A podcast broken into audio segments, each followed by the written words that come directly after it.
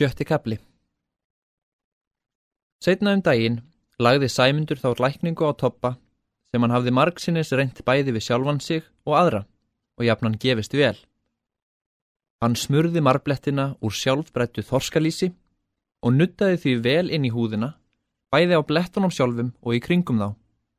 Hann var mjúkentur, en þó laghentur og nuttaði þanga til hold og hörund var orðið mjúkt og þvalt. Á eftir dró all eimsl úr marinu og Toppi fór í fött og settist framann á bálkin. Þegar dimma tók af kvöldi kveiktu þeir ljós í búðinni, lokuðu dýrunum vandlega og byggust þar um sem best svo að þeir hefðu sem minnst af óveðurna að segja sem enn geysaði úti. Tók þá hver til innivinnu sinnar en Toppi fór að kveða fyrir þeim formannavísurnar sem hann hafði ort og tekið með sér sem andlegt vegabref. Ekki hafði hann þær skrifaðar, en hvað þær eftir minni og hvað við raust. Ekki máttu vísurnar lakari vera. Voru þær bæði efnisrýrar og illa hvaðinar, hver vísan endurtekning af annari með einhverjum lítilsáttar breytingum. Sama ettu kenningar hnóðið í þeim öllum, vöðlað og hrúað utanum nafn formansins og nafn skipsins, ef nokkurt var, og sama lofið borið á alla fyrir sjókænsku, hreisti og hugrekki Vísuna um þá tótufeðgar hljópan yfir. Hún hafði verið lofkviðlingur eins og hinnar, en nú þurfti hann að breyta henni. Fyrir þennan andlega gróður átti toppin og vísan einn fisk af hverju skipi í víkinni. Það voru skáldalaun hans. Þegar Toppi hafði lokið formannavísunum, fór hann að fara með fleira eftir sig og var sumt að í stórum betra en formannavísunar. Var það undir léttari háttum og átti hann það hægra með að koma því fyrir er hann vildi segja. Var þar meðal annars særingarljóð gegn skoffinni, kröftugt mjög kjarnirt, sem hann hvað engum bræðast myndu. En skoffin var sending í tófulíki, mögnuð mjög, og talinnin versta sending viðfangs sem nokkru manni gæti komið, svo að lallar og skottur voru mestu meinleysingjar hjá því. Hljóp þessi fjandi stöðugt í hring í kringum enn, en þrengdi stöðut hringin, þar til það kvarf inn í menn fyrir en þá varði. Urðu þeir þá ærir og fóru sér sjálfur að voða. Skoffín hvað hann vera komið úr eggi sem hanni hefði orpið en ekki hæna, en galdramadurinn sjálfur ungað út og lesið yfir hinn að römmustu formála. Annað hvæði var um það hvernig gera mætti galdraveður að spánverjum, sem voru þar mjög tíður við land og illa þokkaðir. Hvað hann það engan hæðarleik því að spánverjar væru uppaldri í rammagaldri og bæru að minnstakosti skipstjórar þeirra langt af hérlendum mönnum í kunnáttu. Þó væru til brauð sem spánverjar kynnu ekki að varast. Voru þau leindardómsfyllri en svo að hann leti þau uppi, en hvæði það er átti að fylgja þeim hvað hann við raust. Ennfremur var þar hvæði sem lísti loft sín sem maður einna á mýrum hafði séð hafði hann séð dómstag sett hann í skýjum heiminsins og mörg undur og stórmerki þar sem gerðust. Allt var þetta auðvitað heilagur sannleiki og fór toppið með efnið og hvæðið með henni mestu lotningu sem hann værið að fara með guðdómlega opinberum. Hinnir sem í búðinu voru höfðu allir heyrt um loft síni getið, bæði þessa og aðrar og efuðust ekki um að þær varu sannar og varu jafnframt spámanlegar vitranir og fyrirbörðir. Margt var það fleira sem Toppi hafði að færa, en allt var það þrungið af trú og lífskoðun þeirrar aldar, fullt af kingi og kynjum, þessum enginnilega andans gróðri sem vex upp af myrkur sjúkri ímyndurnargáfu. Fyrir innri augum Toppa var loft og lögur, hólar og steinar, berg og brunnar, allt fullt af ósynlegum öndum sem umvar að gera að ná í þjónustu sína. Ímist til að verja sjálfans í yllu eða ná sér niður á andstæðingum sínum en til þess að hafa heimil á slíkum þjónustupiltum voru ráðin ekki auðfundin. Toppi kunni þó eitt, þótt aldrei hefði hann notaða. Það var ráðið til að ná sér í sagnar anda. Það er átti að leggjast upp í loft í forsælu og snúa sér í norður. Átti maður að gapa svo mikið sem maður gæti, en hafa kapalskæni fyrir vitónum. Þá kemi loftandi og vildi fara ofan í mann. Lendi hann í skæninu og væri þá auð tekin. Síðan átti að vefja utanum hann skæninu, láta hann í eikarbauk og hafa hann með sér næst þegar maður yrði til alltaris og spýta þá yfir hann vígða víninu. Að því búnur sagði hann eigandanum allt sem hann vildi vita. Þegar menn fóru að þreytast á þessu skrafi, neig talið að öðrum hlutum sem nær lágu og verulegri voru og að lokuma atbyrðir sem gerst hafi fyrir fáum árum og enn var mönnum í fersku minni þar um sveitir með öllum þeim skjelvingum sem við hann voru bundnar. En sá atbyrður var líflát bjarnar í öxl. Björn Pétursson í öxl, eða Axlar Björn, hafði verið tekin af lífi á laugarbrekku þingi skömmu fyrir aldamótin fyrir mörg launmorð, fleiri en nokkur maður vissi með vissu. Og aftakan hafði farið fram með slíkum ódæmum að enginn hafði hirt slík sketið fyrri. Maðurinn hafði verið beinbrotin á útlimum og klipinn með glóandi taungum áður en hann var leistur frá lífinu. En síðan breytjaður niður og líkamslutarnir settir á stöyra. Og til þess að horfa á þetta var öllum almúa stemt þangað saman og nærlegjandi sveitum því að til þess voru víti björns að varast þau. Þeir feðgar og toppi sögðu nú söguna um afdrif bjarnar eins og þeir höfðu hirtana hvorur um sig. Og bara ekki sem best saman.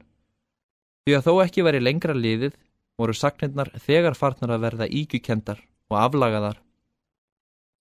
Salomón nýtti lagði fyrst um langa stund ekkert til málana en loks greip hann þó fram í og mælti með mestu hægð eins og honum var lægið Ég var við þegar Björn Jöksl var lífláttinn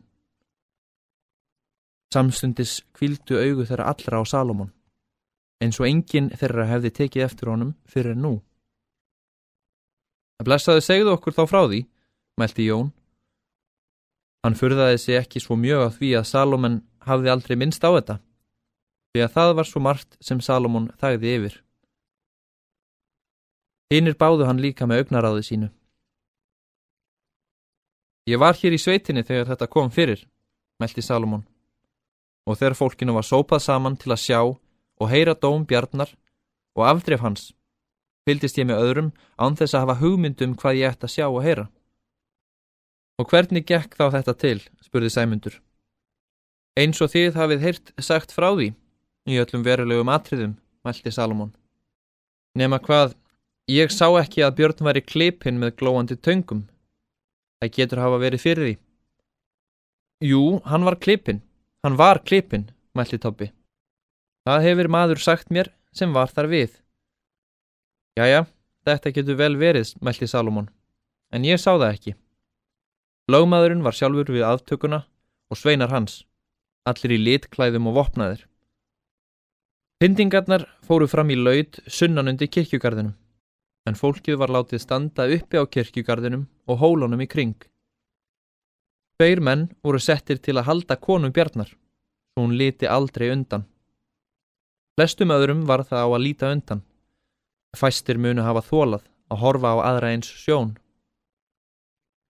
En hvernig bast Björn af, spurði Jón. Salomón hugsaði sig dálítið um, áður en hann svaraði. Ég heyrði meiri kveinstæði til mannfjöldans en til hans sjálfs, sem þó var verið að pína. Ég heyrði hann aldrei kvenka sér. Hann bar sig að sem væri verið að lækna hann en ekki lífláta. Hann rétti sjálfkrafa fram limina undir sleggjuna sem átti að beinbyrta þá. Hann beit saman vörunum og andlit hans var myrt og hart. Hann bað sér engrar vægðar, mælti ekki heið einasta æðru orð. Það var sem bæri hann svo mikla kvöl í sálu sinni að hinnar ytri pyntingar væri honum svölun og lækning og dauðin sem færðist nær og nær með hverju beinbroti væri það eina sem hann þráði. Salomón þagnaði og hinnir þauðu líka stundar korn. Eftir litla þögn bætti hann við. Þvík geta kjör manna orðið að dauðin sé einn eini þráði vinnur. Ég hefi oft hugsað um þetta síðan. Ég er vissum að Björn í Öxl hefur framið morðin í einhverju brálsemi, einhverju óviðráðanlegri trilling sem ég get ekki gert mér grein fyrir. En hvalist af slíkri sálarangist þess á milli að engin orð fá því líst. Þess vegna hefur hann hlakkað til döðans. og hinnar líkamlegu þjáningar verðu honum smáræði á við hinnar andlegu. Þeim er megin sem í myrkur rata, mælti Toppi. Já, guðminn góður, mælti Sæmundur. Ef slík ósköp kemur fyrir mig, eða mína, að verða manni eða mönnum að bana, þá myndi ég heldur setja upp seglið á bátnum mínum og sigla til hafs. Hvað er það að deyja í sjónum hjá því að vera píndur til dauða með jafn guðleysri grimd? Sætur er sjódauðin, segja menn. Og það er sá dauðadægi sem við sjómennir eigum jafnan yfir höfðum okkar og höfum vanið okkur við að hugsa um. Þann dauða kísi ég mér og mínum, þúsundsinnum heldur en dóm og hegning Jóns Lögmanns á reynistað. Eftir þetta samtal varð hljótt í búðinni nokkra stund, svo að enginn mælti orð frá munni. Þetta sem talað hafði verið um síðast hafði tekið hugimanna fastari tökum en forneskja og hjátrú toppa. Að vísu var enginn þeirra laus við að leggja á það nokkur trúnað sem toppi fór með, en sagan um Axlarbjörn var yfir allan vafa hafinn. Þar stóðu mönnum fyrir sjónum svo sorgleg og alvarleg sannendi, svo beisk og sár, að þau brendu sig inn í meðvitund manna og gerði jafnvel hérna kjarkmestu lamaða af skelvingu. Jón var fyrstur til að hrista þessi áhrif af sér.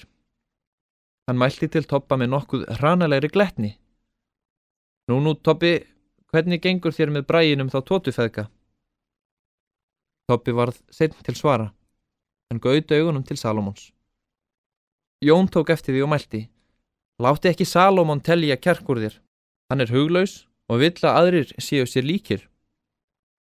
Hefur það oft reynd með að hugleysi, mælti Salomon með hægð en þó keim af talsverði þykju. Aldrei á sjó, en alltaf á landi, mælti Jón og snerið þessu upp í gaman. Þú skjelfur á beinunum ef þú sér framann í tótuna. Toppi hlóð dátt að þessu og sæmundur brosti. En Salomón var alvarlegur. Bæði þið að hugleysi mínu eins og þið viljið, mælti hann. Það er sagt að ég hefi varað Tóbias við að yrkja þannan brag. Ég hefi hug til að reyna að afstýra því sem illt er meðan ég get. En hug myndi ég einni hafa til að frelsa þig, Jón minn, úr járn greipum yfirvaldana ef þú rataðir í líka villu og axlarbjörn. Og þó minna hvæði að, og leggja líf mitt við þitt ef ekki er því hjá því komist. Það svo mæltu haldraði Salomón til kvílusinnar og lagði sér fyrir. Það leindi sér ekki að honum var þungt í skapi. Hinnir voru einni hljóðir því að öllum þótti þeim miður að hafa angrað Salomón og þó engum Jóni sem orðið hafið til þess. Úr þessu gengu þeir allir til kvílu og slögtu ljósið. Morgunin eftir mælti Tóbias og blés við. Undarlega dreymdi mig í nótt. Þeir feðgar báðu hann segja sér draumin. Ég dreymdi að ég sá skrokkin af sjálfum mér vera að hrekjast í breyminu hér inn með hraunbrúnunum. Breymer fyrir abla, mælti Sæmundur. Toppi létt sem hann heyrði það ekki. Ég stóð á hraunbrúninni, mælti hann, og horfiði á þetta. Þá sá ég ykkur líka á bát úti á sjónum. Ég þekkti bátinn og þekkti ykkur alla á honum. Það var rók af landi og því höfðu seglið uppi og sylduð beint undan, beint til hafs. Líka fyrir abla, mælti Sæmundur. Úvinn sjór er ætið fyrir abla. Þið léttuð sveið mér sjóða á keipum, en undarlega voru þið fljótir að hverfa. Þögn.